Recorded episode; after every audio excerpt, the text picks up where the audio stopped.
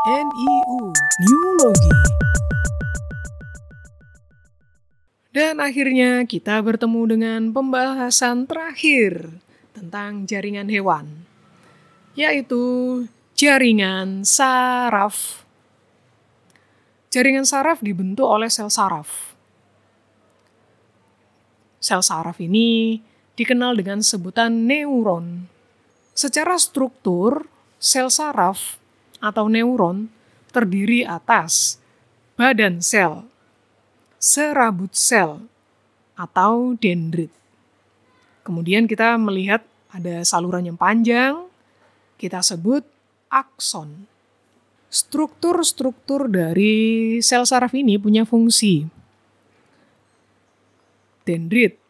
Pada bagian dendrit ini punya fungsi dia sebagai pembawa rangsang menuju badan sel. Sedangkan akson membawa sinyal rangsang tadi dari badan sel dilanjutkan ke neuron lain atau ke sel lain. Selain dilanjutkan ke sel lain, sinyalnya itu bisa dilanjutkan ke otot. Saya beri contoh seperti ini. Kita melihat ice cream. Kita melihat ice cream yang enak. Sinyal es krim enak itu diterima oleh dendrit, ya.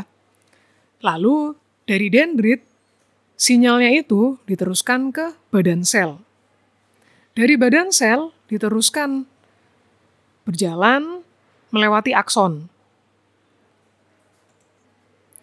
Sekarang kita akan berkenalan dengan selubung miolin. Selubung miolin dia adalah perluasan dari membran sel yang melingkupi akson. Selubung mielin ini ada yang tebal, ada yang tipis. Pada bagian yang tipis itu tampak seperti celah antara mielin yang tebal. Mielin tebal yang satu dengan mielin tebal yang lain ada celah. Celah itu disebut dengan nodus Ranvier. Itu tentang struktur sel saraf. Sel saraf, sel saraf kalau berkumpul ya menjadi jaringan saraf. Sel saraf atau neuron itu memiliki beberapa macam kelompok. Sel neuron ada tiga kelompok.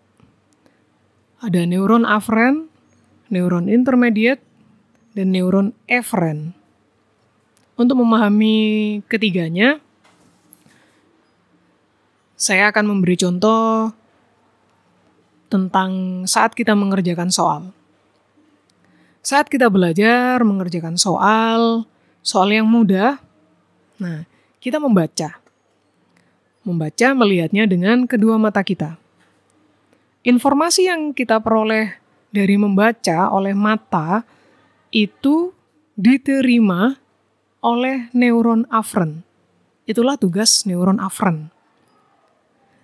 Nama lain dari neuron aferen adalah neuron sensorik. Dia ada pada indera sensor mata, begitu. Informasi rangsangan yang diterima oleh neuron sensorik dilanjutkan menuju sistem saraf pusat. Di sistem saraf pusat ini, kita bertemu dengan neuron intermedier informasi dari neuron sensorik sekarang sudah berada di neuron intermediate. Lalu diproses oleh neuron intermediate, wah ternyata soalnya mudah.